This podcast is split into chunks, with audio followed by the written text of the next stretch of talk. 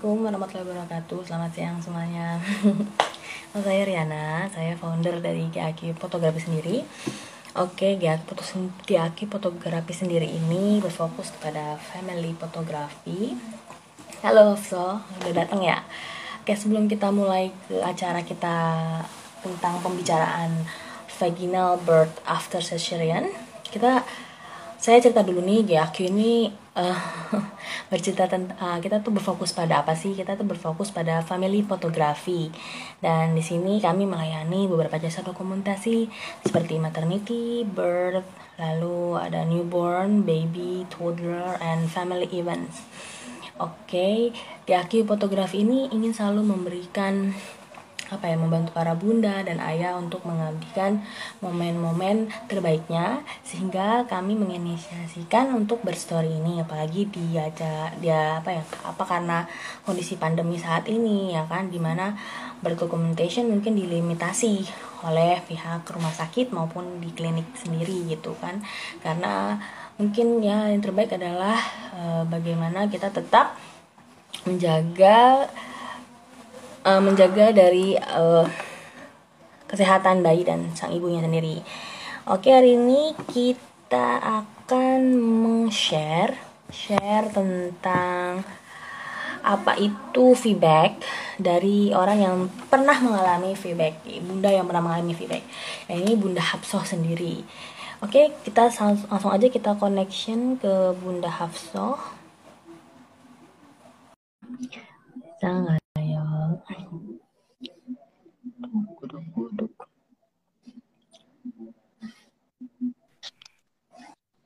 Assalamualaikum. Lanjut kalian dulu gile. Apa kabar? Baik, baik, baik. Gimana kabarnya, So? Tadi sorry gue agak telat, soalnya soalnya ini nundurin Gania dulu. Tugas domestik itu lebih utama kok. Iya. Kedengeran gak gue? Kedengeran kok. Jelas kok jelas. Kedengeran ya. Oke, kita langsung aja nih, uh, Ibunda Yas dan Wais ini ingin cerita nih tentang apa itu feedback dan pengalamannya mengenai feedback sendiri kan. Uh, silakan langsung untuk memperkenalkan dirinya. Ya, Assalamualaikum. Sebelumnya uh, saya ini adalah um, seorang ibu rumah tangga biasa. Nama saya Hafsah Harobania. Uh, usia saya 27 tahun. Uh, saya memiliki yang pertama itu adalah Muhammad Iyas Al-Mutaki, usianya tiga tahun setengah. Dan yang kedua itu Ahmad Wais Al-Mukhlisi, di usia 8 bulan bulan ini. Ya kegiatan sehari-hari ya ibu rumah tangga pada umumnya gimana sih kerjaan rumah nggak iya. kelar-kelar ya kan? Iya. Mungkin baru malam kali ya baru bisa megang handphone. Iya, baru bisa me time, baru bisa ngobrol bercengkrama sama suami kan pas malam. Jadi bener-bener ya dinikmati aja sih. Pas anak-anak ya. udah pada tidur ya? Mm -mm. Pas anak-anak udah pada tidur, baru kita bisa melakukan aktivitas kita yang sebagai perempuan, sebagai istri gitu kan. Oke, hari ini kita kan mau share salah satu pengalamannya Hafsah nih ya mengenai tentang feedback nih. Karena kan isu-isunya ini kan banyak yang bilang kalau udah sesar itu selanjutnya pasti sesar ya kan? Oh seperti hmm. itu. Sebenarnya sendiri feedback itu Hafsah itu tahu feedback itu dari mana sih? Awal tahunnya jadi uh, awal pertama banget uh, tahu feedback itu uh, ketika aku lagi uh, jengukin sahabat aku baru melahirkan itu dia itu seorang dokter kan uh, seorang dokter hmm. dan dia berhasil melahirkan secara normal. Nah di situ tuh kayak aku tuh kayak kayak apa ya kayak tertampar gitu. Dia bisa lahiran normal, kok aku hmm. nggak bisa gitu kan? Padahal kita maksudnya itu sahabat hmm. dari teman kita teman aku kecil gitu. Jadi aku tau lah dia kayak gimana gitu kan. Dia bisa normal, kenapa aku enggak? Hmm. Tapi aku sih alhamdulillah nggak pernah ada penyesalan karena melahirkan si Yas tuh si anak pertamaku ini secara normal eh, sesar aku nggak menyesal cuma aku menyesalkan diriku kenapa aku nggak bisa berusaha maksimal saat itu gitu kan aku pasrah aja gitu sama keadaan yang ada dan akhirnya uh, aku ngobrol-ngobrol lah sama dia dia bilang uh, selama hamil kemarin aku ikut kelas persiapan persalinan uh, bers, uh, rata-rata itu pesertanya itu melahirkan pertamanya itu melalui seksio sesar jadi itu teman-teman yang sahabatku itu uh, udah posisi di kehamilan kedua, ketiga dan seterusnya gitu. Jadi mereka mau koreksi di kehamilan-kehamilan mereka. Di situ aku pikir emang bisa gitu lahiran normal padahal sebelumnya sesar. Kayaknya nggak mungkin deh, soalnya kan lihat background beberapa keluarga saudara-saudaraku tuh yang sekali sesar ya pasti sesar lagi gitu, nggak bisa. Kayaknya kemungkinannya tuh sekian untuk bisa berhasil sesar. Hmm. Padahal saat itu masih uh, menyusui IAS, artinya IAS masih 10 bulan, belum genap setahun, masih masih kecil banget lah. Kayaknya kepikiran untuk bisa hamil lagi nggak okay, dulu, karena kan iya dokter SPOG aku tuh nge-warn untuk jangan hamil dulu ya bun, paling enggak jarak, jarak, jarak 3 tahun gitu, baru boleh hamil. Nah ini untuk sekedar informasi, aku nggak pakai KB okay. atau apa pun, jadi benar semuanya itu sedikasihnya Allah aja gitu Allah mau kasih hmm. anak kapan anak, itu terserah Allah gitu pasrah pasrah jadi ya udah iya. yang mungkin uh, jalannya Allah kasih blok tiba-tiba tuh di suatu suatu momen pas aku nyapi hias nyapi hias tuh dia 21 bulan dia aku nyapi hmm. dia itu aku follow aku jadi nyari tahu lebih banyak tentang feedback gitu nge-follow akun bidan kita hmm. terus cerita feedback okay. terus uh, feedback gitu. Kayaknya aku pengen tahu banget nih tentang feedback karena kan kalau kita nanya ke dokter tuh nggak semua dokter tuh terbuka soal informasi feedback ini open ya tentang feedback ini. Iya nggak semua dokter tuh mau gitu diajak diskusi tentang feedback. Jadi mau nggak mau ya aku berdayakan otak aku sendiri untuk nyari tahu informasi ini gini. Karena kan ya yang jalanin toh kita gitu kita yang kita yang rasain juga dinamika naik turunnya kehamilan tuh kan kita gitu. Jadi itu aku bener-bener setiap hari bener-bener tiap hari sebelum tidur tuh nyari info apa pun tentang feedback. Gimana sih gitu kan feedback itu apa sih? Feedback tuh VBAC ya sekedar ini doang koreksi. Takutnya ada yang bingung. Jadi VBAC itu untuk di lidah kita emang VBAC gitu. Tapi kalau untuk uh, di ranah medis kita ngobrol sama orang uh, medis dokter atau komunitas komunitas-komunitas VBAC itu ngomongnya feedback ini sok bule aja ngomong feedback feedback begini padahal mah lidah masih lidah sini Oke, lanjut ya jadi Halo Mbak Hasana. Halo Mbak Hasana. Nure itu junior aku, hei Nure. ya lanjut ya. Jadi, jadi ya, lanjut. aku uh, ini apa ya kayak meyakinkan gitu. Bisa nggak sih? Bisa nggak sih?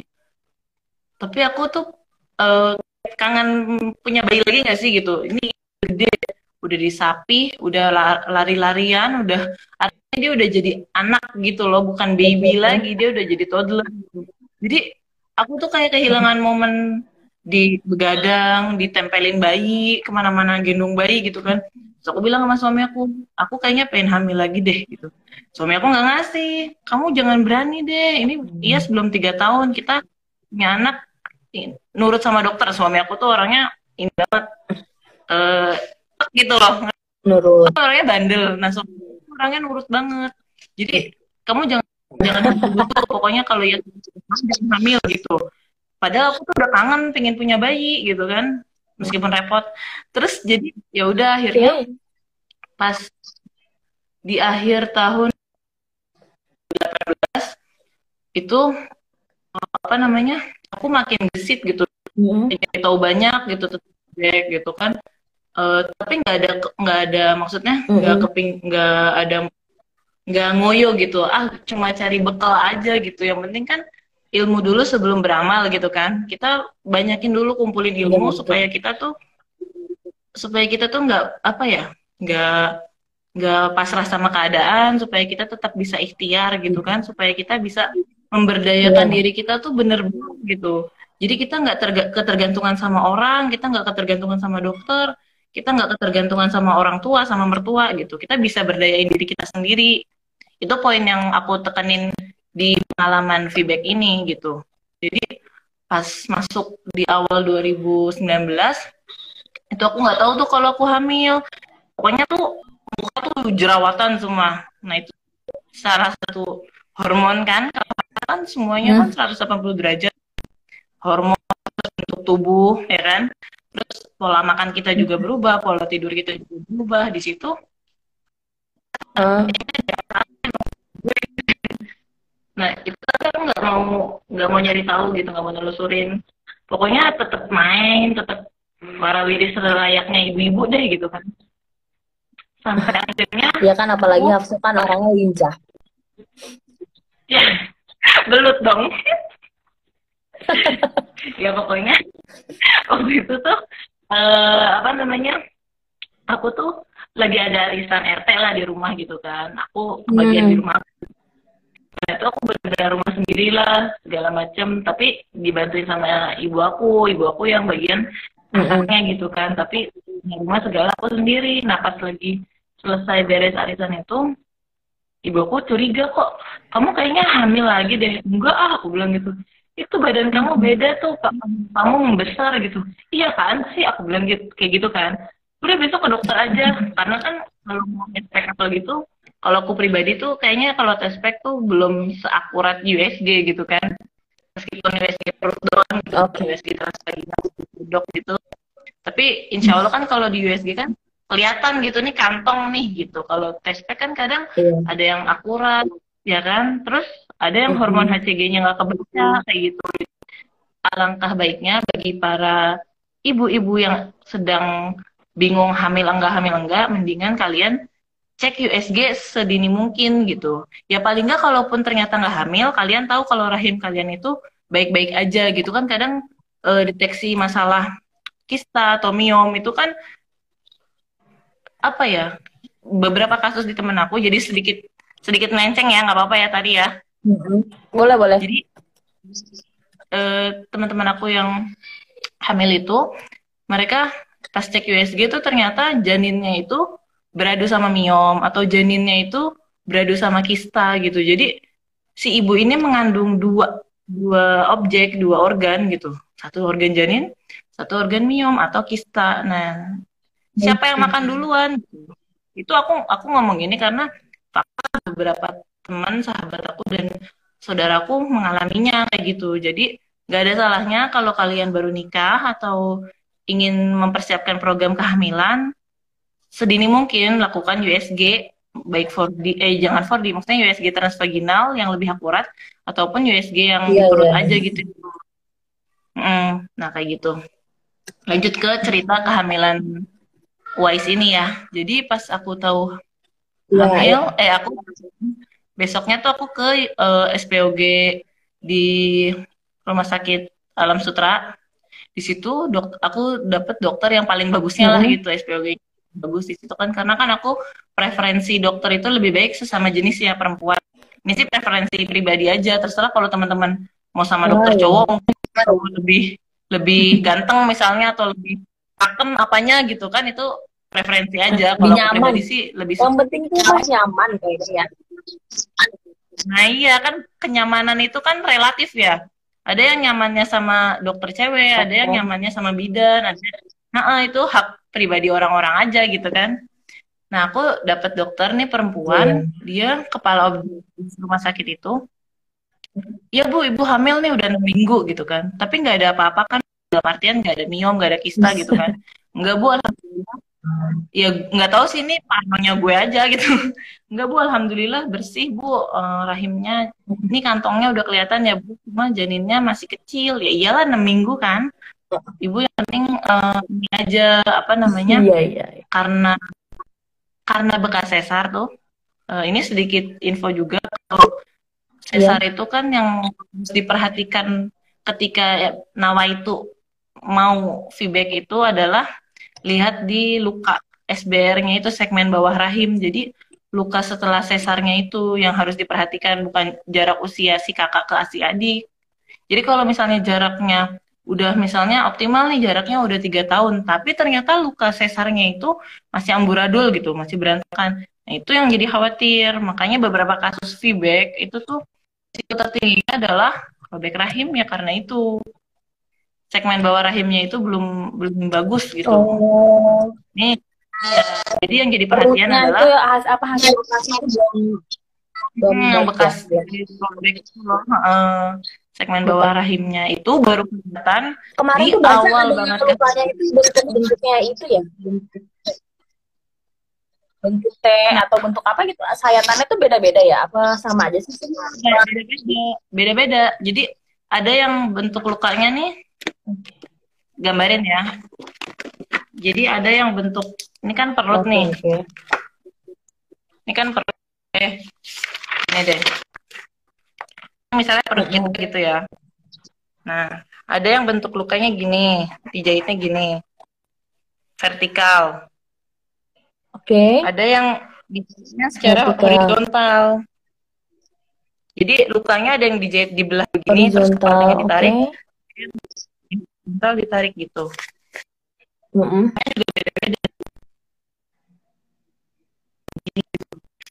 Jadi itu Hmm. ap- makanya tadi aku bilang preferensi dokter itu penting banget, yang tepat itu penting banget karena yaitu kalau misalnya kalian harus ternyata kodarullah belum berjodoh dengan feedback, kalian harus IEC atau sesar ulang, kalian tahu gitu nih dokter bikin pola lukanya tuh buka jahitannya kayak gimana karena sekedar info untuk luka jahitan sesar itu yang paling aman, yang paling nyaman adalah versi horizontal, nyamping. Oh, paling nyaman ya, paling yang- bagus. Mm-mm, yang paling bagus karena kalau vertikal itu kan pemulihannya lebih lama. Pertama karena kan kita duduk itu kan otot perut kan gitu kan, maju mundur maju mundur ya kan. Kita berdiri juga otot perutnya tegang, iya kan? Kita tidur juga otot otot perutnya kan juga mengendur kayak gitu. Jadi kalau te- tegak gitu tuh Mm. pemulihannya lebih susah dibandingin datar. Kalau datar gini kan paling kerasanya kalau pas ketawa doang sama batuk sih. Tetapi kembali lagi Kalau ke untuk preferensi teman-teman. masing-masing. Kalau untuk eh, operasi itu kan, kan kata Hafsah tadi sarannya itu bagusan horizontal ya, Coh ya. Hmm. Eh, kalau itu kita bisa request atau emang biasanya setiap dokter punya semacam style masing-masing gitu atau tergantung kondisi bayi. Eh, iya kan, jadi bisa dilihat dari kondisi bayi, misalnya kan ke bayinya sun- sungsang kan, yang melintang, eh Hmm. ma- sorry, sungsang gitu kan, begini. Kan harusnya kan begini, nah si bayi begini, ya mau nggak mau dibelahnya secara horizontal dong, biar gampang diambil kepalanya gitu. Atau memang si dokternya Oh. lagi iseng aja, pengen pola huruf T atau pengen bikin secara vertikal kayak gitu. Makanya kalau sesar ini sih kalau saran aku kalau kalian udah sesar sama dokter A itu kan sesar itu paling nggak kan kontrolnya tuh minimal tiga ya untuk lihat luka jahitan perawatan pasca operasinya itu untuk si bekas lukanya itu kan minimal tiga kali kontrol. Nah itu kalian harus di dokter yang sama, jangan ganti dokter karena pola jahitannya juga beda. Khawatirnya kan Oh, gitu. eh, untuk beberapa kasus itu jadi infeksi pada luka sayatan itu karena itu beda beda provider. Oke. Selanjutnya, jadi Hafsah itu yakin karena Hafsah tuh terinspirasi lah dengan temen Hafsah sendiri gitu. Kok dia bisa, gue kok nggak bisa, pasti aku gue bisa gitu ya. Terus ada nggak sih perbedaan yang dirasakan Hafsah gitu setelah lahiran secara normal di kelahiran kedua sama saat lahiran Iyas itu ada perbedaan nggak? Perbedaan dari se- semua aspek sih. Yang paling pertama itu adalah aspek Iya. mental saya ya, aspek mental si ibu gitu. Eh, jujur waktu eh, hamil IAS itu tuh aku bener-bener minim persiapan dari segi gerak. Aku tuh jarang banget gerak. Aku tuh waktu hamil IAS tuh bener-bener hamil yang letoy banget gitu, yang lebih banyak tidur, lebih banyak males-malesannya gitu nggak nggak ada nggak ada apa ya nggak ada keinginan untuk cari tahu untuk persiapan hamil ini persiapan selama masa kehamilan dan persalinan nanti gitu jadi benar-benar santai banget padahal Allah kasih waktu selama 9 bulan 10 hari itu ya buat sungguh-sungguh kita tuh menghadapi ujian gitu kan persalinan itu makanya dibilang sampai Allah kasih balasannya itu berupa jihad ya karena itu perjuangan yang benar-benar gitu. Kalau misalnya aku santai-santai aja ya gimana mau dapat pahala yang besar gitu. Itu yang benar-benar jadi bahan koreksi di kehamilan ini hmm. di kehamilan. Jadi itu yang pertama dari segi fisik. Kedua. dari segi mentalnya.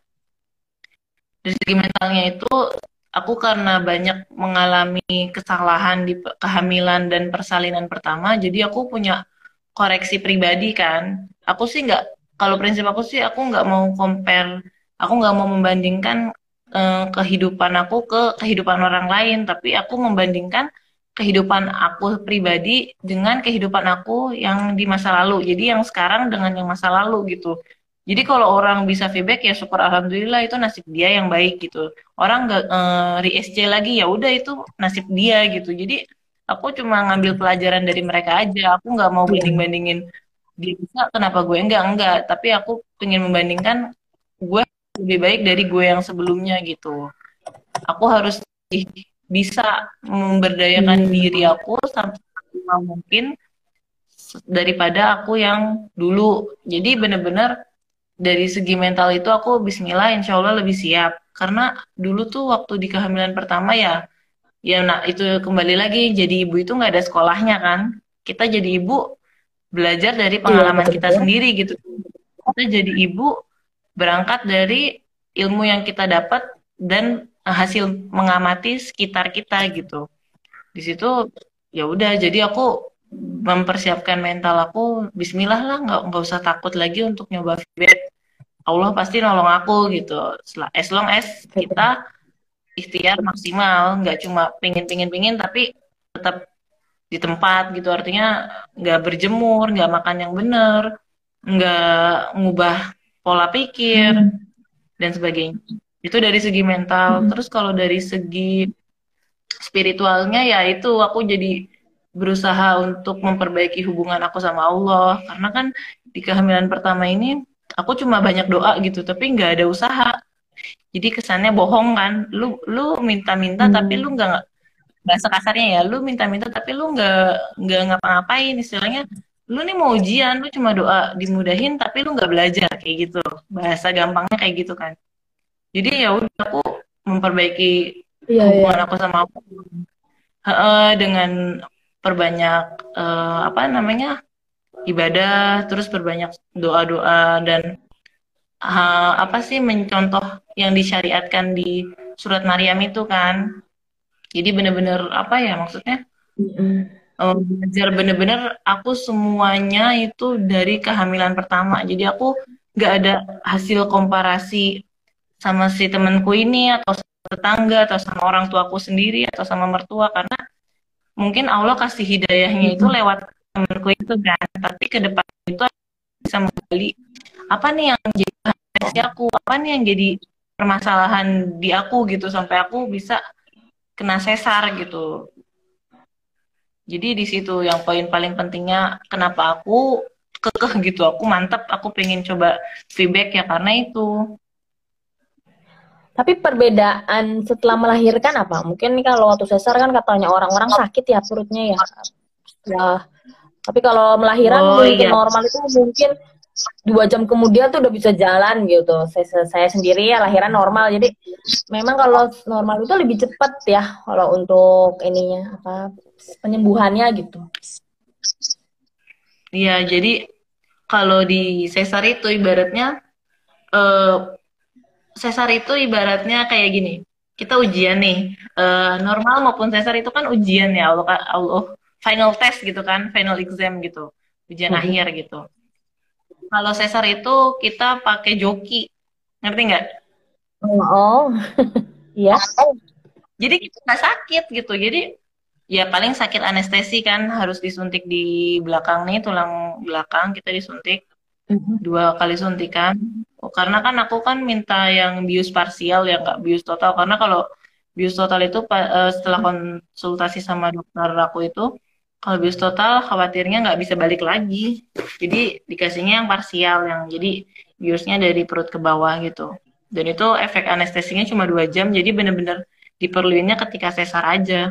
Nah itu pas masang ngeluarin Mhm. bayinya itu nggak ya nggak sakit cuma setelah biusnya hilang baru. Itu nikmat banget. Bener-bener ya namanya tujuh lapis kulit di belek ya kan lukanya 30 Iya, cm iya, iya. jadi di terus dimasukin karet supaya melar kulit kita kan diangkat bayinya terus dijahit tujuh lapis Mhm. jadi proses ngeluarin cuma 10 menit jadi aku masuk ruang opa itu jam 22.00 jam 10 malam 22 lewat 10 Iyas lahir Oke. Nah, dari situ sampai jam 12 itu jahit Hmm. proses menjahit.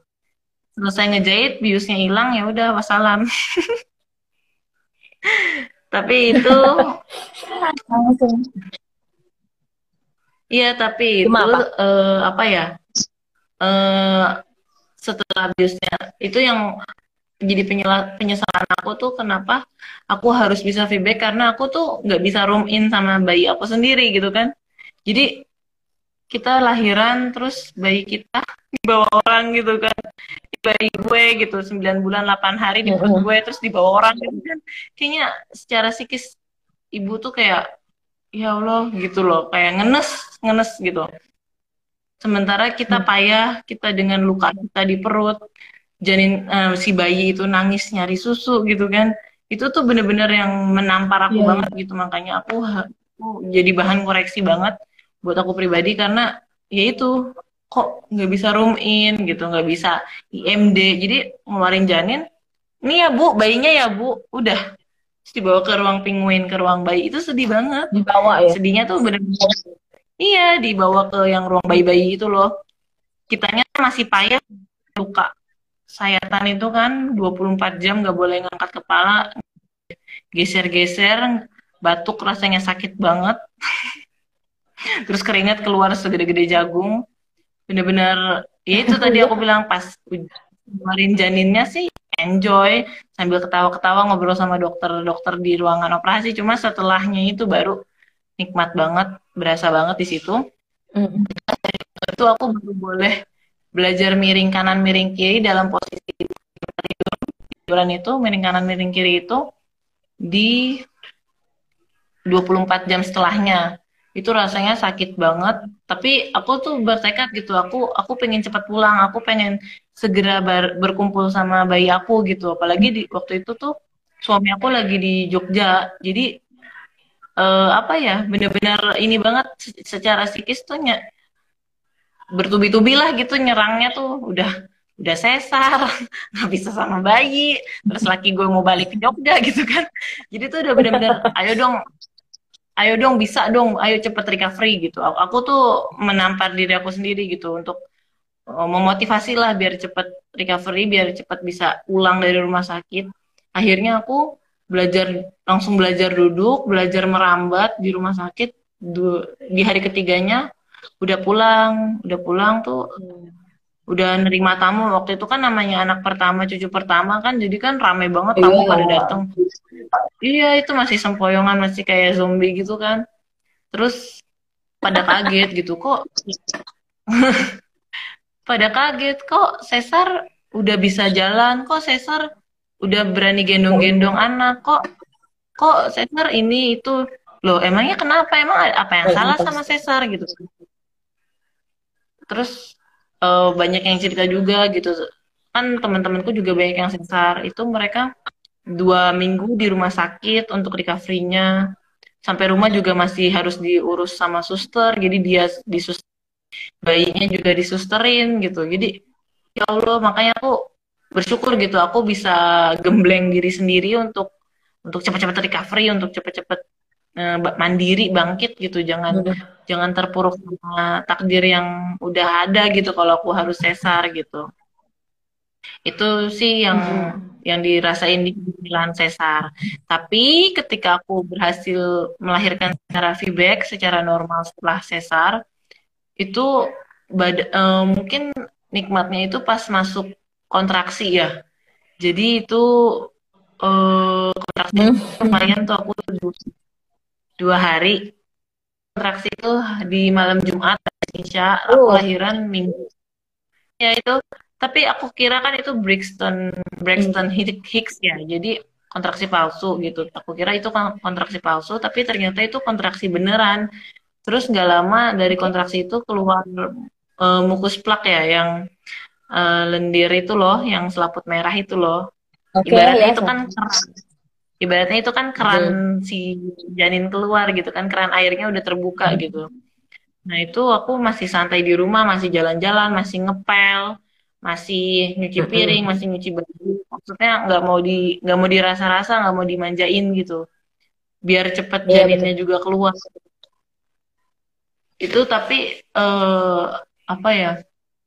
eh malamnya tuh minggu malam abis maghrib aku langsung ke klinik. Kan aku di klinik ya lahiran Wise ini. Karena kalau di rumah sakit kemungkinan besar sedikit rumah sakit yang bisa support feedback. Karena ya aku aku tuh di kehamilan kedua ini lebih kritis. Berapa kali aku ke dokter ganti-ganti dokter di rumah sakit tapi nggak ada yang ngeklik gitu nggak ada yang bikin aku struck oh gue mantep sama dokter ini. Nggak ada karena ya itu mereka belum yakin 100% bisa support aku untuk feedback. Jadi eh, pas aku bilang dok kira-kira saya bisa feedback nggak? Wah ibu nggak bisa nih bu kemungkinan feedback feedbacknya 40% padahal itu sih 6 minggu janin si Wise ma- bagaimana dia tahu ini berhasil atau enggak. Padahal tuh segede kacang hijau juga gedean kacang hijau kali si janin. Oh, ya kan? Heeh, jadi aku aku tanya alasan iya kan? Aku tanya alasannya dok emang kenapa nggak bisa feedback? Kan ini jadinya masih kecil banget dok 6 minggu. Terus dokternya ngasih video-video dan foto-foto seperti itu robek rahim terus eh, rahimnya diangkat pokoknya yang nakut-nakutin gitu. Mm, wah aku tahu nih pas dia nggak support aku gitu. Terus pindah ke dokter lagi nadanya sama kayak gitu. Saya nggak berani bu. Pindah lagi ke bidan yang gentle birth bu saya nggak berani nolong feedback soalnya ibu harus didampingi dokter. Kalau mau ibu sama dokter di rumah sakit X. Ya rumah sakit X saya udah ke situ. Saya bilang aku bilang kayak gitu kan. Jadi bener-bener perjalanan nyari dokter di kehamilan kedua ini seru banget sih. Jadi banyak pengalaman dan ilmu juga. Tapi alhamdulillah Allah kasih kemudahan. Yang penting kan kita ikhtiar ya. Allah kan nggak mungkin menyia-nyiakan usaha kita kan. Nggak mungkin lah kita udah udah warawiri Iya, udah betul. capek sana sini hasilnya itu kan nggak mungkin gitu. Allah pasti kan ngelihat ha- usaha kita. Jadi di situ di kehamilan eh pas melahirkan secara feedback itu mulusnya emang nikmat banget bener-bener bener-bener berasa banget. Bener-bener ini banget deh. Pertama kalinya tuh kayak berasa mau mati. Ya di tempat tapi mau mati tapi nggak mungkin mati gitu. Ngerti gak sih anak kita soalnya kan. Nggak mungkin kita mati tapi sama siapa gitu. Iya. ya kan? Jadi ya udahlah gitu. Terus eh, itu tuh bener-bener inget dosa-dosa aku sama orang tua aku khususnya ibu aku gitu. Ya Allah dosa gue banyak banget sama mak gue. Gue ma- gue udah jadi ibu tapi masih suka jahat gitu sama orang tua nggak nurut sama orang tua gitu kan ternyata begini perjuangannya melahirkan normal ternyata begini perjuangannya ngeluarin anak gitu. Terus itu tuh di ruang bersalin aku kebetulan ada, sebelahku juga ada orang gitu. Jadi kita lomba mengeluarkan mengeluarkan bayi Oke. gitu sama-sama anak kedua juga. Cuma sebelahku ini persalinannya dia normal. Aku kan feedback ya. Jadi dia mungkin lebih smooth gitu. Kalau aku tuh aduh mantap banget itu ya- terus di situ kan eh, t- apa sebelahku kan teriak-teriakan gitu kan. Terus suami aku bisikin ini kamu yang pingin normal ini kamu yang kamu yang minta sama Allah begini jadi kamu nggak boleh nggak boleh ngeluh kamu harus kuat. Digituin sama suami aku. Ya kita juga malu kan digituin ya. Jadi ditelan sendiri aja sakitnya. Cuma setelah setelah keluar si bayi itu udah kayak kayak dicuci gitu loh kita ya. Kayak bener-bener kita si bayi itu lahir bersamaan kita juga lahir sebagai orang yang baru sosok yang baru gitu. Kita ya Allah kita tubuh tubuhku tuh luar biasa gitu. Allah ciptakan tuh gak gak mungkin tanpa perhitungan gitu. Yang selama ini disepelekan orang selama ini yang dibilang mustahil selama ini yang dibilang nggak mungkin selama ini yang dibilang nggak bisa lo lahiran normal. Ternyata aku bisa gitu kan. Itu pertolongan Allah itu benar-benar dekat buat orang-orang yang mau berikhtiar, buat orang-orang yang mau pasrah sama Allah, yang tawakal sama Allah. Itu benar-benar makin kita tuh aku aku pribadi tuh makin ngerasa kecil gitu, makin ngerasa ya Allah ini buat bener-bener apa ya kalau bukan pertolongan Allah bukan bimbingan Allah aku Allah nuntun aku sampai di di tempat ini gitu kan. Belum tentu aku bisa ngerasain feedback gitu belum tentu aku bisa hmm. edukasi diri sendiri edukasi suami karena dulu suami aku tuh nentang banget aku feedback. Suami aku tuh bener-bener udahlah kamu jangan coba-coba deh lahiran normal uh, normal. Udah kamu nurut aja sama dokter. Nggak usah ganti dokter lagi pakai dokter yang kemarin aja. Itu sempat debat makan waktu berapa minggu itu pokoknya berantem gara-gara itu. Terus orang tua aku hmm. juga keluarga suami juga nggak ada yang dukung. Di situ tuh bener-bener kayaknya ngenes banget. Sedih banget ya Allah hmm. ini padahal kan yang baik kok nggak ada yang dukung gitu nggak ada yang backup gitu kan. Hmm. sampai akhirnya uh, korek-korek tentang Amani Bird Indonesia. Itu kan kelas persiapan kehamilan dan persalinan ya. Uh, di situ tuh hmm. uh, kayaknya uh, apa ya kayak sebuah angin segar gitu. Ting kayak gitu kan kita nggak kita nggak mungkin edukasi diri kita sendiri kalau support system kita itu nggak diedukasi juga ngerti kan karena kan yang bakalan hmm, bantu betul. kita selama kehamilan yang bakal nemenin kita yang bakalan jagain si anak bang yang bakal kita setelah melahirkan dan bayi gitu jadi aku mau nggak mau ya harus edukasi diri sendiri dulu secara secara apa ya? Kan mungkin kan kalau kita ngomong katanya ini katanya itu nggak ada faktanya gitu nggak ada uh, hasil observasi yang jelas itu kan pasti orang tua atau suami atau mertua atau keluarga kerabat pasti kan bakalan uh, ini ya maksudnya ngeraguin gitu. Ih lu katanya katanya nih 2019 loh masa masih katanya katanya gitu? Nggak ada evidence yang jelas gitu kan Nah, di situ akhirnya aku yeah. mutusin untuk ikut kelas uh, persiapan persalinan itu dia Money Bird. Aku ajak suami aku kan, karena kan memang harus sepasang kan. Itu langsung ke sana. Ya, ini kan langsung ke sana berarti. Iya. Langsung langsung ke hmm. Money Bird itu.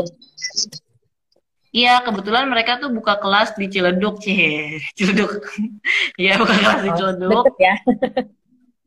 Dekat, Bun.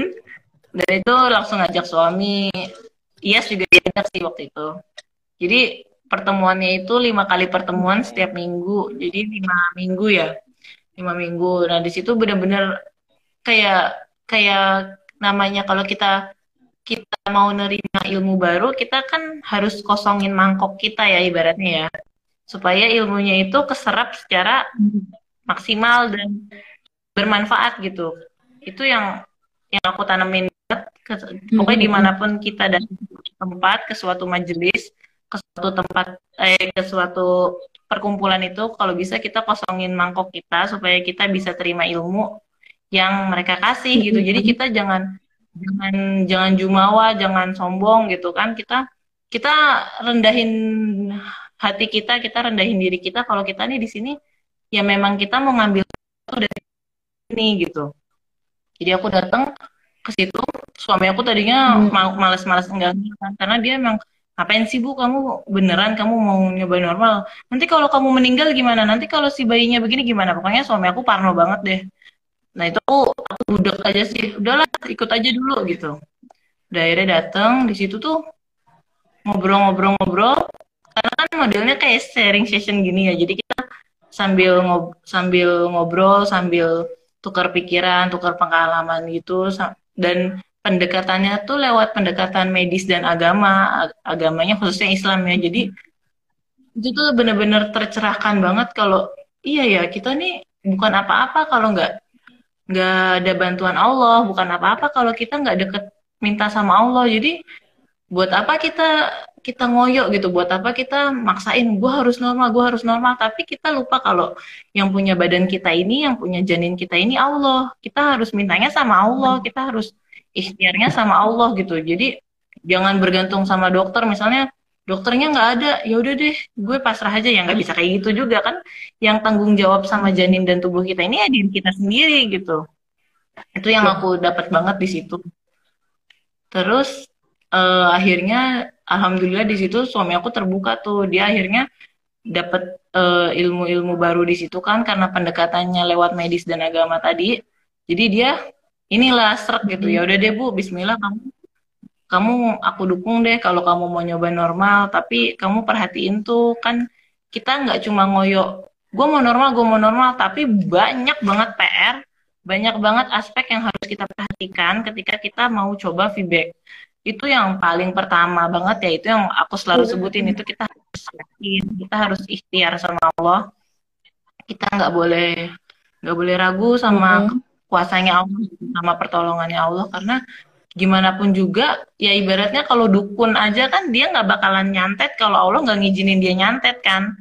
Nah apalagi nih kita ngeluarin makhluknya Allah gitu ini kita ngelakuin perbuatan baik kita ngelakuin perbuatan mulia pasti Allah support pasti Allah dukung kita gitu aku tuh bener-bener kalau misalnya nanya feedback, feedback itu ya pasti aku bakal ngeset pikiran mereka gitu. Kita udah bener belum niat kita melahirkan? Kita udah bener belum niat kita hamil kayak gimana? Hani kata Tari nanyanya ntar kita ada pertanyaan ya, dari Bunda Hani. Nanti kita kita simpan dulu pertanyaannya Nanti di endingnya baru dijawab sama Hapsah, oke? Okay? Tenang ya Hani, ya, tenang Hani. Ini ngoceh-ngoceh jawab. Masih ngoceh-ngoceh, Bun. Iya, jadi itu okay. uh, eh, yang pertama itu soal keyakinan.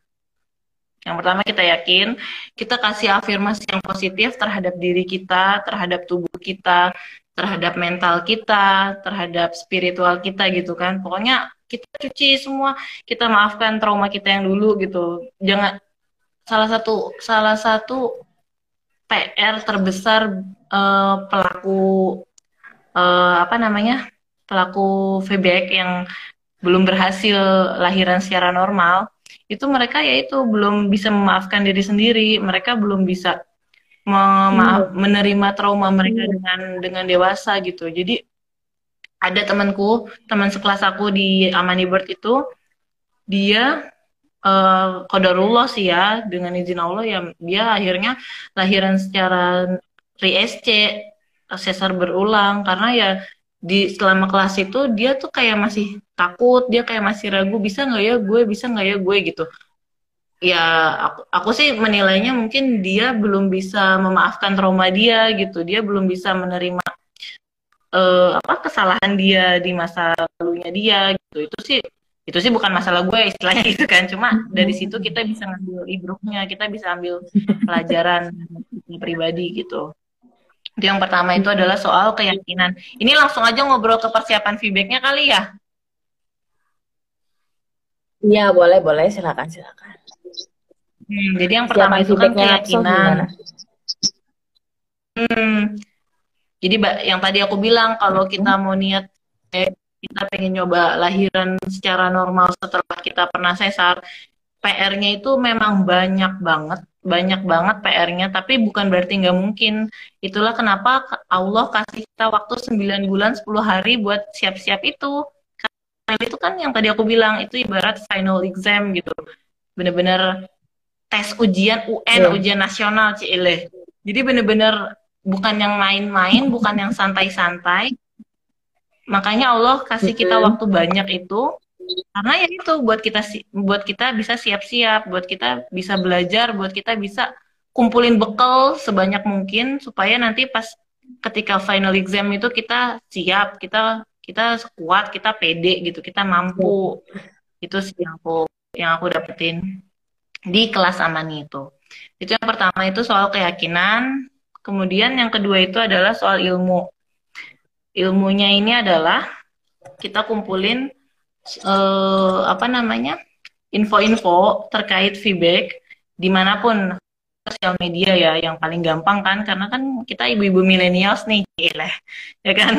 Dikit-dikit sosmed dikit-dikit sosmed. Jadi ilmu yang paling mudah ya sosmed ini. Itu aku bisa kasih rekomendasi di akunnya @bidan kita terus di akunnya cerita VBAC cerita feedback terus uh, ada beberapa dula yang aku follow itu ada at Jamilatus Sa'adiyah, terus at Dea Doula Amani. Pokoknya nanti insya Allah aku share deh nanti di pertanyaan kalau misalnya nanti ada di uh, kolom pertanyaan. Uh, itu yang aku dapat di uh, lini Instagram. Kalau di lini Facebooknya itu, alhamdulillah banyak sih komunitas-komunitas uh, feedback. Uh, tapi aku lebih preferensi ke komunitas feedback yang orang bule gitu orang-orang Amerika karena mereka tuh okay. untuk hal-hal kayak kan di Indonesia tuh masih tabu banget untuk melahirkan normal setelah, setelah sesar tuh yang ngedukung tuh masih sedikit baik dari provider maupun dari lingkungan masyarakatnya itu masih sedikit banget. Jadi kalau aku lebih preferensi sama orang bule karena orang bule tuh lebih open minded terus mereka tuh nggak nggak ngelihat background kita. Ya iyalah orang nggak kenal gitu kan. Lu siapa gitu kata orang bule. Jadi jadi ya lebih santai aja. Kalau misalnya uh, ngobrol-ngobrol diskus sama mereka gitu. Itu dari poin yang kedua setelah yakin yaitu ilmu ya dan poin yang ketiga ini yang nggak boleh yang nggak boleh kelewat nutrisi mungkin kita merasa kalau kita nih makannya udah bener ini aku sih ya kita ngerasa kita makannya udah bener, minumnya udah banyak, tidurnya udah cukup, eh, geraknya udah udah pol gitu ya. Tapi ternyata enggak. Kita lupa kalau kita nih bawa anak orang, kita nih lagi hamil gitu. Mungkin uh, uh, vitamin D yang kita makan lewat sayuran, lewat ikan, lewat ayam itu cukup buat kita kalau kita lagi nggak hamil. Tapi kalau kalau kita lagi hamil, itu nutrisi bakalan pertama kali di kasih ke janin kita. Jadi maha baiknya Allah ya. Jadi apa pun yang ibu makan itu, kalau itu ya baik, itu akan dikasih ke, ke janin langsung ditransfusi ke janin. Tapi kalau itu buruk kayak kopi, terus seblak, makanan gue banget ya Allah, seblak itu kasihnya ke ibunya gitu. Itu maha baiknya Allah. Jadi itu yang harus kita koreksi di nutrisi. Uh, hmm. Apa aja sih nutrisi yang paling penting buat ibu hamil? Sebenarnya kita nggak perlu langsung ngubah pola makan 180 derajat brek gitu langsung berubah enggak. Oh, yang penting uh, paling pertama banget ibu hamil pasti dikasih kalsium, paling dikasih asam folat, pasti dikasih uh, apa namanya vitamin B kompleks gitu-gitu kan. Karena pembentuk janin itu ada yang paling utama adalah protein dan zat besi di kehamilan pertama usia trimester awal itu kan si gituan tuh tadi protein dan zat besi.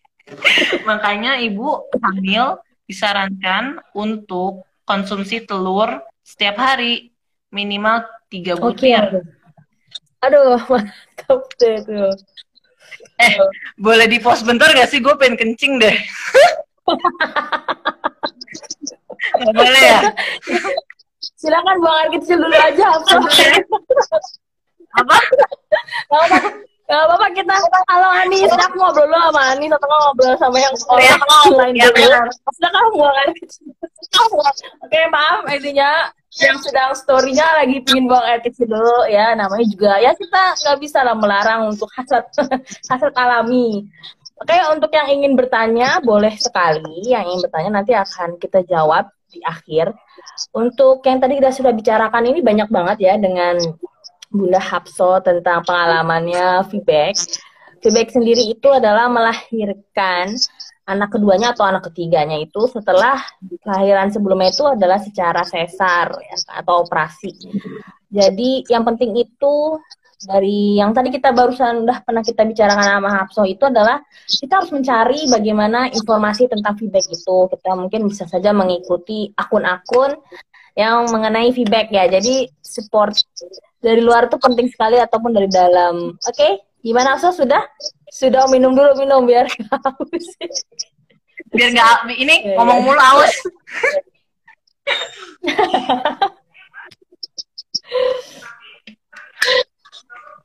Ya lanjut ya. Jadi uh, nutrisi itu ya iklan. Nutrisi itu jadi yang paling pertama di kehamilan pertama itu yang harus dikoreksi adalah protein dan zat besinya. Karena itu dua unsur paling penting membentuk janin kita itu adalah si protein dan zat besi.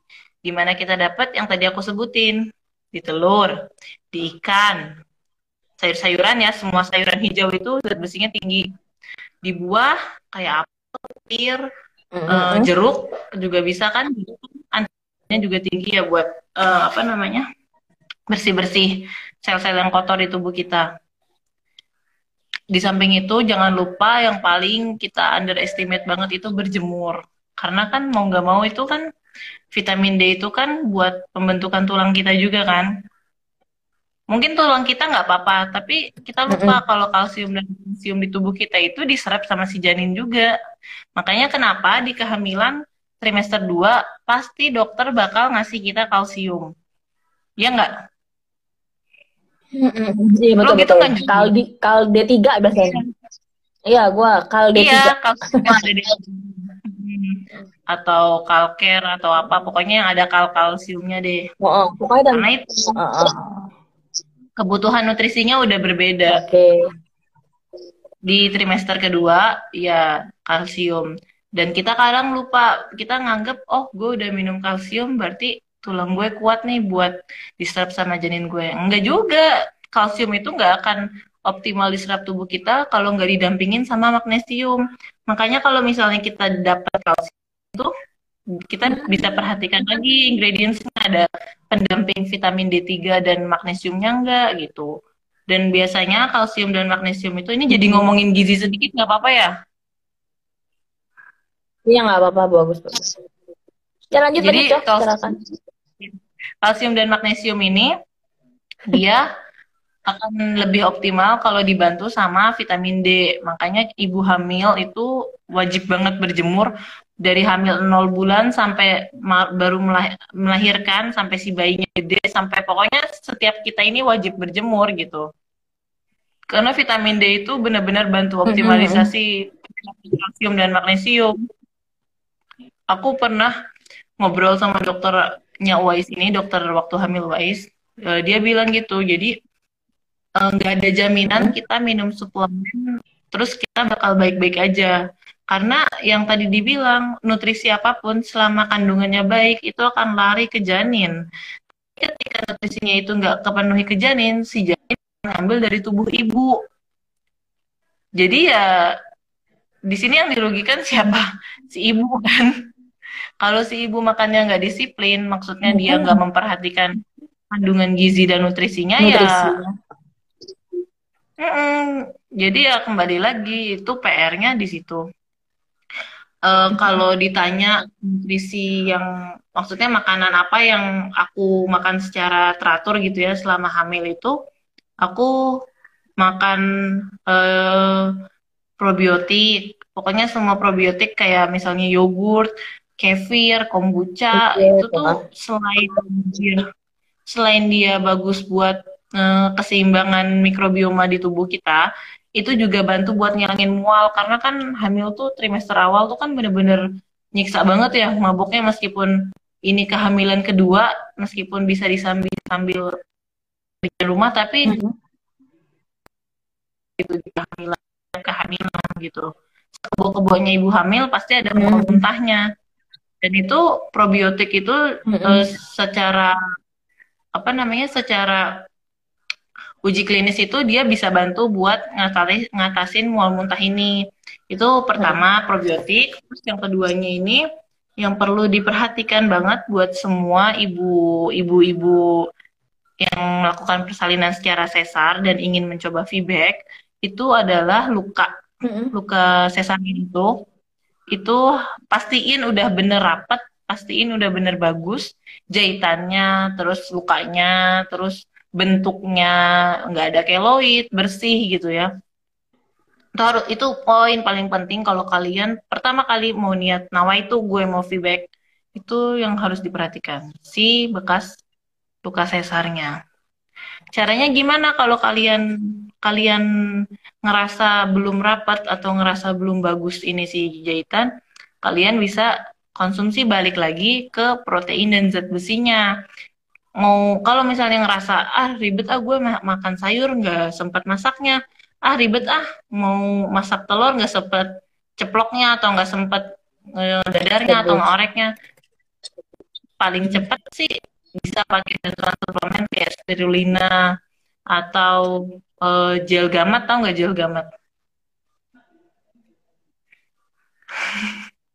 ya pokoknya yang yang itu deh apa namanya suplemen-suplemen yang tinggi protein dan zat besi itu mm-hmm. uh, selama kalian dikonsultasikan ke objin kalian ke dokter kandungan kalian dan itu dinilai nggak masalah itu kalian bisa support support untuk pemulihan luka sesar kalian sebelum kalian bergerak lebih jauh untuk uh, di kehamilan trimester 2 trimester 3 karena perjuangannya itu lebih seru di uh, trimester selanjutnya. Jadi pokoknya kalian kalau uh, misalnya sesar gitu, terus kayak aku gini ya, udah sesar terus ngelihat kangen punya bayi gitu, terus ngeliat anak pertama kalian udah besar, udah udah bisa sendiri, udah mandiri, terus kalian pengen lagi. Yang paling kalian perhatikan itu yang pertama adalah si bekas luka sesar ini. Itu paling PR banget. Meskipun terlihat sepele tapi itu nggak sepele karena resiko paling besar yaitu robek rahim karena rahimnya nggak siap saat mengejan untuk mengeluarkan si janin si bayi ini. Itu jadi ada Terus, jarak idealnya ya? Jarak ideal tuh ada ya kalau untuk feedback sendiri ada Biasanya lukanya itu beda-beda ya sembuhnya cok. Maksudnya antara satu ibu dengan ibu yang lain itu luka untuk yang habis operasi itu beda-beda. Uh, apa rapatnya oh beda-beda. Oh, beda-beda. Jadi faktor faktor faktor faktor uh, keberhasilan feedback di setiap ibu itu beda meskipun si ibu sama-sama hmm. belajar di tempat di kelas yang sama meskipun si ibu sama-sama ikhtiar dengan metode yang sama meskipun si ibu sama-sama punya jarak usia yang ideal dengan si ibu A dengan si ibu B ini tapi kalau misalnya nggak memperhatikan faktor-faktor sepele itu kayak si segmen bawah rahimnya itu ya bisa jadi itu bermasalah di situ karena eh, penelitian yang aku dapat di kelas Amani itu dua dari delapan ibu yang mencoba feedback itu kena uterine rupture robek robek rahim karena nggak memperhatikan si luka bekas operasi sesar sebelumnya itu tari. Nah, e, masalah ideal atau enggaknya balik lagi usia ya. Sebenarnya itu enggak bukan patokan misalnya eh, tiga tahun atau 18 bulan atau lima tahun itu bukan jadi jaminan aman atau enggaknya, tapi yang jadi jaminan adalah si bekas luka sesarnya itu.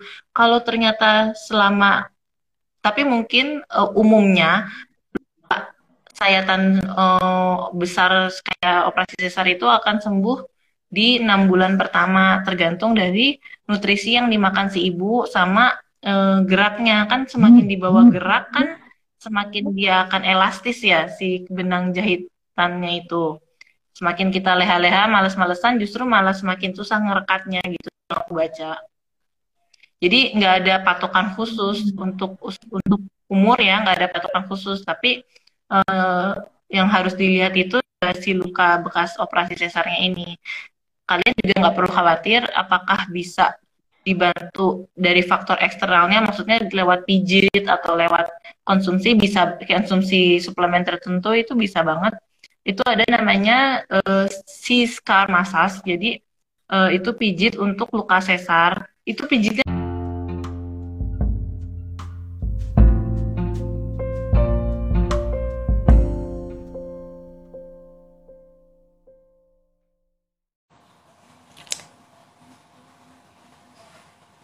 Oke, kita balik lagi. Tadi sepertinya Instagram itu membatasi waktu untuk Instagram live sendiri. Mungkin tadi kita sudah lebih dari sejam, di mana asik banget nih mendengarkan cerita dari Bunda Hafsoh ya mengenai feedbacknya. Kita sambil menunggu balik lagi Bunda Hafsohnya. Hmm, kita tunggu dulu. Oke, halo Ayah. Makasih udah waving. Oke, Hafsoh sudah masuk. Sekarang lanjut kita lanjutkan ya. So-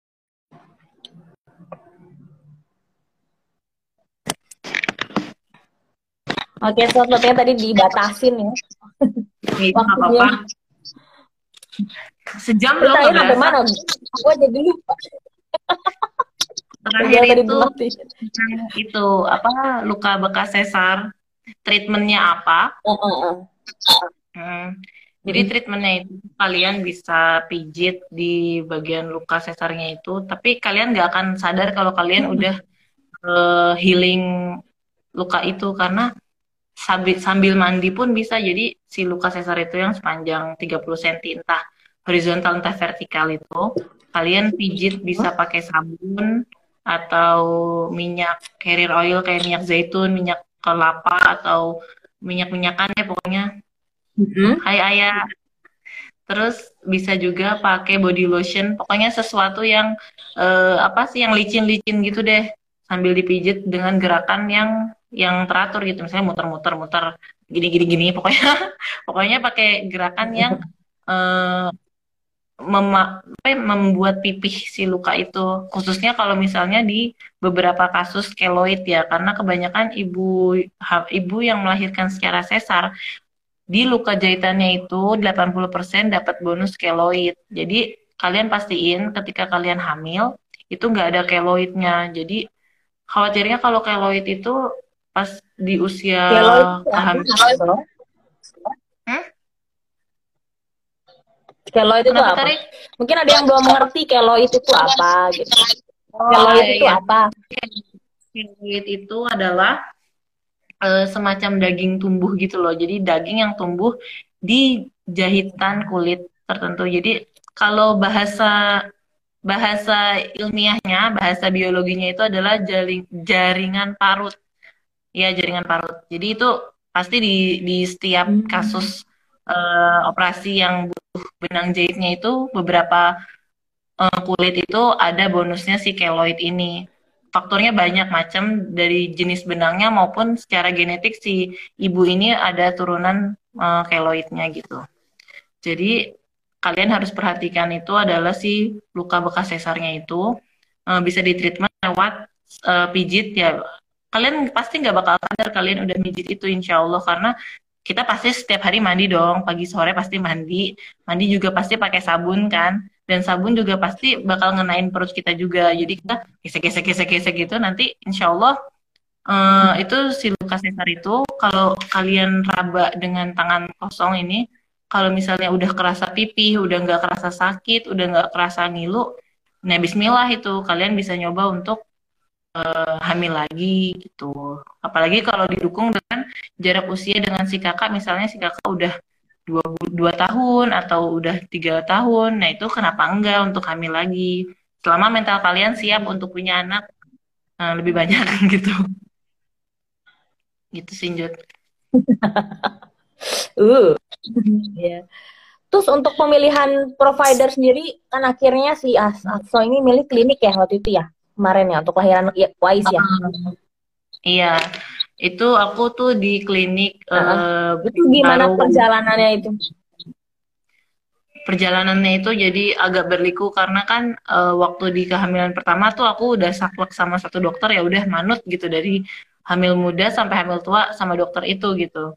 Nah aku eh, maksudnya nggak ada nggak ada pikiran untuk nyari second opinion atau opsi ketiga keempat gitu. Jadi udah sama si dokter A ya udah sama dokter A aja gitu. Tapi eh, di kehamilan kedua ini aku agak eh, jajan dokter. Dalam artian eh, sebulan itu aku bisa tiga kali ganti dokter. Eh, karena kan kita kan eh, ibaratnya tuh kayak kita bakal lihat-lihat siapa yang nolongin kita nih pas lagi ujian gitu kan. Kita lihat siapa nih guru pengawas yang pewek gitu yang kita nggak mau kan kita lagi kesusahan terus malah dimarah-marahin atau malah di sini ya Iya. udah mumpung masih muda mumpung masih bayinya belum besar gitu kan mumpung masih banyak waktu untuk nyari tahu untuk telusur sana sini nyari yang cocok nyari yang klik di hati kita kenapa enggak gitu. Aku ke beberapa rumah sakit yang bagus rumah sakit yang besar gitu tapi belum dapet karena mereka masih nggak yakin untuk bisa support aku di feedback ini aku akhirnya coba cari uh, bidan yang gentle birth uh, dia dekat rumah sih. Cuma waktu itu aku sempet lari ke dia karena di kehamilan Wise ini waktu usia 8 minggu aku sempat ada flag yang nggak mau nanggung resiko gitu kan nggak mau so kuat so cuek gitu. Aku langsung ke bidan ini. Itu malam-malam sih waktu itu terus aku ngobrol sama si bidan kalau aku tuh pengen feedback terus bidannya bilang uh, dia nggak berani untuk feedback karena untuk praktek izin bidan di Indonesia ini hanya kasus untuk persalinan normal, hmm. baik persalinan normal pertama hmm. maupun kedua ketiga gitu. Tapi kalau untuk feedback bidan nggak boleh, bidan nggak diizinin gitu, nggak dapat lisensi dari pemerintah untuk mendampingi ibu yang mau mencoba persalinan secara feedback. Akhirnya aku cari ke bidan itu, alhamdulillah sih baik. Dia mau nolongin aku untuk cari-cari uh, dokter yang bisa uh, aku untuk feedback. Tapi ternyata di rumah sakit X yang rumah sakitnya itu uh, isinya dokter objinnya cowok semua. Kembali lagi preferensi aku itu aku lebih nyaman sama hmm. dokter perempuan dibanding dokter laki-laki. Jadi uh, nggak dulu deh gitu aku makasih ya bidan tapi aku kayaknya cari opsi lain gitu sampai akhirnya aku gabung di uh, komunitas cerita feedback itu kan uh, di kami di ke uh, apa chat via tele, telegram. Nah di situ kan biasalah namanya kita masuk ke rumah baru kan kita pasti harus kenalin diri domisili di mana bla bla blanya kayak gitu kan. Hmm. Nah ada yang bantu aku untuk uh, hmm. coba aja ke BWCC gitu kan di Bintaro.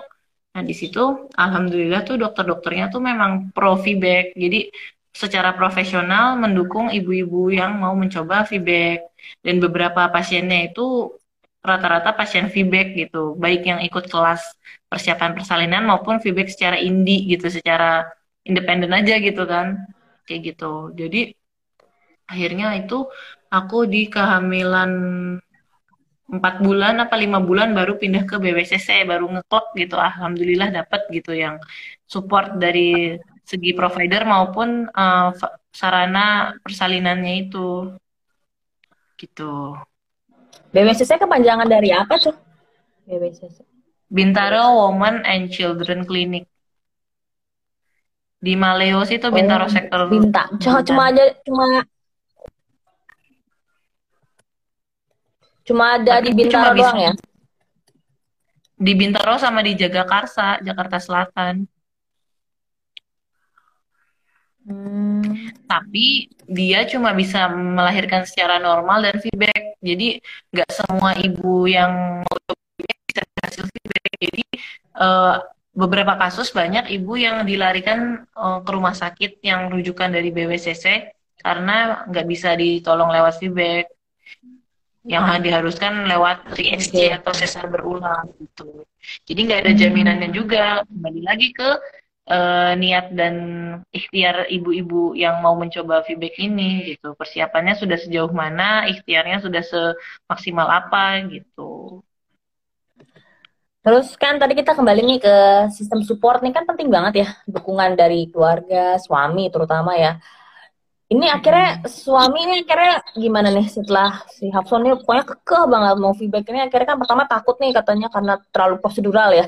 Terlalu dokter nih gini gini gini. Akhirnya akhirnya luluh hati itu gimana caranya? Karena kan mungkin dia khawatir ya. Suami itu lebih khawatir sebenarnya.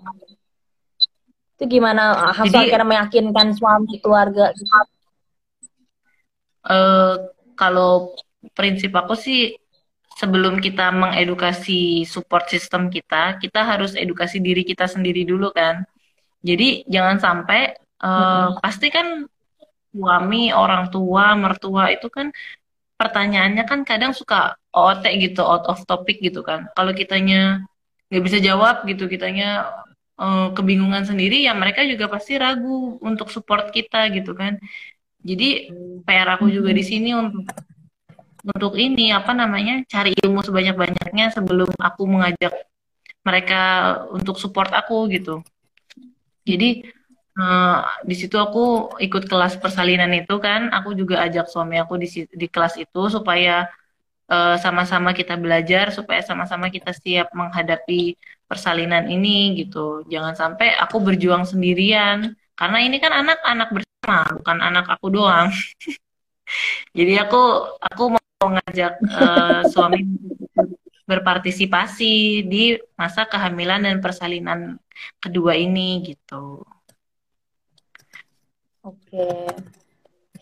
Kita akhirnya mis apa sang suami akhirnya mensupport ya sampai titik darah habisan di Alhamdulillah. Jadi eh, aku tuh kan memang bikin birth plan atau rencana persalinan ya. Jadi kayak eh, persalinan impian kayak gimana sih gitu kan. Eh, berangkat dari pengalaman persalinan sebelumnya tuh yang yang nganterin kan bejibun ya. Jadi kayak orang tua datang, mertua datang, saudara-saudara tetangga pada Iya. datang gitu kan, nyambut gitu, yang bawa gendang, bawa apa kali saking ramenya. Nah itu aku nggak mau, aku tuh aku tuh pengen bikin suasana yang hikmat, yang khusyuk gitu, yang yang nyaman buat aku yang ngeluarin si bayi ini gitu, yang yang yang penuh cinta gitu lah, yang yang yang kondusif. Jadi aku meminimalisir eh, pendamping ya. Aku cuma pengen didampingin suami aku aja. Nah, gimana kalau aku mau didampingin suami aku kalau suami akunya nggak dibekali dengan ilmu yang mumpuni gitu. Suami akunya nggak siap secara mental. Kalau suami aku tidak mendukung aku untuk mencoba feedback, bagaimana bisa gitu. Jadi mau nggak mau ya suami aku Mm-mm. harus ikut serta untuk persiapan persalinan ini dengan cara apa? Dengan cara belajar, dengan cara ikut kelas persiapan persalinan itu di luar dari situ aku juga kadang suka eh, kan dulu tuh waktu hamil pertama mungkin suami aku tuh masih mikirnya ya udahlah lo yang hamil lo yang rasain gitu. Nah, ya kehamilan kedua ini aku nggak mau kayak gitu. Aku tuh jadi kayak eh, nyolek-nyolek eh, nyentil-nyentilnya tuh kayak ayo dong bantu gerak temenin jalan pagi atau ayo dong eh, bantuin aku eh, yoga kan. Jadi tuh eh, kita memang dituntut untuk banyak gerak kan, karena kan melatih tubuh Hmm. Bakalan kaku, terus tiba-tiba harus ngeluarin 3 kilo bayi, jebret nggak mungkin bisa gitu kalau kita nggak latihan, kalau kita nggak nggak paksa tubuh kita untuk bergerak.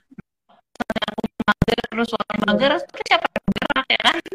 Mau nggak mau ya kita paksa suami kita untuk temenin kita. Kalau aku sih kayak gitu. Jadi banyak banget Mm-mm. paksaan dari aku si istri terhadap suami aku si bapak supaya bisa sama-sama support untuk persalinan yang nyaman di momen VBAC kemarin gitu. Oke, oke. Tapi Jadi setelah disambung ini toh kan udah melahirkan nih. Oke. Kan udah melahirkan secara feedback nih kan ke waktu itu. Terus eh, untuk apa sih namanya penyembuhannya sendiri seperti orang normal aja lahiranannya. Maksudnya ya udah setelah itu Iya. ya kan sesarnya udah oke kan perutnya udah udah nggak sakit lagi Hafso. Terus kan berarti yang kedua ini merasakan seperti bagaimana sih orang penyembuhan secara normal ya lahiran secara normal gitu aja ya. Nggak ada yang permasalahan yang berlebihan atau seperti apa. Nggak ada, alhamdulillah nggak ada. Kayak bener-bener ya udah ngeluarin anak. Paling ya umumnya ibu melahirkan kan pasti nyeri di bagian pintu keluarnya si bayi kan. Iya. Karena ya karena kan alhamdulillahnya tuh aku melahirkan itu nggak pakai digunting jadi robek alami. Kalau untuk menghindari sobek robekan perineum atau robekan jalan keluar itu kan untuk yang mau nyoba feedback itu mustahil. 80% pasti bakal robek. Karena ini nih feedback ini ibaratnya melahirkan pertama kali kan lewat jalur yang sesungguhnya jadi pasti si bayi hmm. akan ngebuka jalan untuk bayi-bayi selanjutnya keluar lewat perineum atau si pintu keluar ini. Makanya kenapa uh, itu hal yang sangat lum lumrah hal yang sangat wajar bagi si ibu pegiat feedback untuk dap untuk punya luka robek di perineumnya itu. Dan gak masalah sih selama si dokternya itu jahitnya benar. Kadang kan oh, do, maksudnya ada yang jahitnya buru-buru akhirnya ada kendala di benangnya lengket atau misalnya lukanya nggak kering-kering atau apa ya umumnya luka sih hmm. baik sesar maupun normal sama-sama harus diperhatikan gitu nggak bisa dianggap sepele kayak gitu selama penanganan uh, lukanya itu kita bisa profesional dan uh, itu insya Allah sih nggak akan makan waktu lama untuk recovery persalinan feedback ini. Justru kalau ditanya enakan feedback atau sesar dua-duanya enak. Dibilang ditanya dua-duanya sakit dua-duanya sakit. Ditanya dua-duanya dua-duanya kalau disuruh pilih mana enak feedback atau sesar ya pasti feedback. Karena feedback ini secara psikis ibu dan bayi itu sudah siap. Dan ngaruh juga ke si bayi ini Wise nih alhamdulillah nggak pernah begadang terus nggak pernah rewel terus nyusu nyusunya juga bagus gitu kan dibanding Iyas gitu. Jadi uh, dari semua muanya mungkin karena si Wise dari aku hamil juga udah diajak kerja gitu ya diajak belajar diajak uh, gerak diajak apa-apa jadi dia dari bayi itu dari itu udah terbentuk mental itu mungkin jadi yang aku bisa tangkap jadi nggak aku punya dua anak ini malah justru seru gitu nggak nggak merasa kesulitan atau merasa kewalahan karena alhamdulillahnya itu si Wise uh, nggak gampang gitu nggak nggak ngerepotin gitu loh. Oke. Terus tadi uh, kita sebelum pertanyaan terakhir nih, Coh, kita uh, ke pertanyaan Hani tadi mengenai kelas Amani Ber tadi itu di Aco ikutin itu sebelum hamil apa sih sudah hamil kalau nggak salah pertanyaannya itu ya seperti uh, apa mungkin dia ingin dijelasin lebih lanjut tentang kelasnya itu. Jadi aku tuh ikut kelas Amani Bird itu pas tahu hamil uh, eh, 8 minggu, hamil wise 8 minggu. Itu aku memutuskan untuk ikut kelas Amani Bird karena aku mau ngajak suami aku, mau edukasi suami aku juga untuk sama-sama belajar, untuk sama-sama kumpulin bekal persiapan untuk eh, sembilan uh, bulan ke depan nih. Kita kan kita nih dikasih amanah Allah, jangan main-main gitu. Kita nih dikasih amanah Allah untuk kita jaga, untuk kita kasih bekal yang bagus, untuk kasih uh, perjalanan yang smooth gitu, perjalanan yang nyaman buat dia selama di dalam perut kita sampai dia keluar ke dunia gini kita harus kasih dia yang terbaik lah gitu jangan asal ya udahlah gue beranak beranak aja gitu. Nggak bisa kayak gitu. Karena kan berangkat dari kesalahan sebelumnya ya suami istri harus bisa berpartisipasi dan bekerja sama untuk merawat si janin ini. Gitu. Mm-hmm. jadi aku idealnya memang ikut kelas persiapan persalinan itu ya ketika lagi hamil. Karena kan langsung kita aplikasikan kan. Jadi ilmu yang kita dapat langsung kita amalin gitu ilmu yang kita dapat langsung kita kerjain. Jadi nggak nggak kalau nunggu ntar-ntar keburu lupa atau keburu nggak sempat atau banyak excuse excuse yang lainnya. Gitu. Selain Amani Bird mungkin ada lagi nggak kelas-kelas online atau mungkin kelas feedback yang bisa menginspirasi ibu-ibu untuk misalnya mau feedback? Banyak kok. Ada kelas persalinan Mariam juga konsepnya kedua itu sama sama-sama pendekatannya tuh ke arah medis dan Al-Qur'an hadis. Dan jadi buat orang-orang muslim kayak kita ini pasti nyaman banget ikut kelas itu. Karena hmm, apa ya ya itu mereka juga pakai dasar saintifik. Jadi kita tuh nggak nggak apa ya nggak merasa di dibodoh-bodohin gitu. Emang emang ada buktinya gitu emang ada evidence-nya nih. Ini ada datanya ini ada gitu. Kita di disodorin gitu terus dikasih edukasi lewat video-video persalinan hmm. terus dikasih di, mereka ada bahan ajarnya kayak boneka bayi atau uh, rangka panggung dan sebagainya. Jadi kita bisa mengebayangin gitu bisa oh iya benar ya kayak gitu ya. Oh bisa bisa memang seharusnya kayak begitu. Jadi insya Allah sih itu sangat-sangat worth it gitu ya untuk ibu hamil dan bapak hamil ikut kelas persiapan persalinan itu. Sangat bermanfaat banget. Khususnya yang mau mau coba feedback. Oke, untuk bunda atau kakak-kakak sekalian yang ada lagi nggak pertanyaan untuk feedback ini? Sebelum kita ke closing statement dari Ibu Hafsel? Apabila tidak ada, langsung aja mungkin Hapso saran dan apa ya saran dan pesannya untuk para bunda, para kakak yang ingin melahirkan secara feedback tuh apa aja sih saran-saran dan pesannya gitu? Uh, ya kembali lagi ke niatnya, kembali lagi ke stigma ya, pola pikir kita nih. Yang harus pertama kali diubah adalah pola pikir kita. Kita tuh harus yakin kalau Allah pasti mampuin kita untuk bisa melahirkan secara normal. Karena fitrahnya kita sebagai manusia, makhluknya Allah, pasti Allah udah nyiptain kita ini dengan bentuk yang sebaik-baiknya gitu. Tanpa cacat, tanpa ada yang kelupaan gitu. Gak mungkin Allah lupa, oh iya nih lupa dikasih rahim, oh iya nih lupa nih panggulnya kesempitan, oh iya nih lupa nih matanya minusnya kegedean. Gak mungkin. Allah pasti ngasih jalan untuk kita bisa melahirkan normal selama kita mau berusaha, selama kita mau ikhtiar maksimal sampai di garis final itu. Jadi jangan sekali-kali masrahin memasrahkan nasib kita kepada orang lain. Contohnya di sini adalah orang tua, provider, suami, atau lingkungan sekitar kita lah gitu. Jadi misalnya kalau aku pribadi ya kan, mungkin uh, orang bakal menganggap remeh gitu. Nggak mungkin bisa feedback. Ya udah itu jadi konsumsi omongan mereka aja. Kita yang ngejalanin kita yang berusaha ya kita jalan aja terus ke depan. Kita hajar bleh lah istilahnya gitu. Nggak peduli dengan omongan orang gitu. Jadi anggap angin lalu aja. Di samping itu ya kita di samping ikhtiar kita juga jangan lupa untuk terus berdoa. Kita mohon kemudahan dari Allah.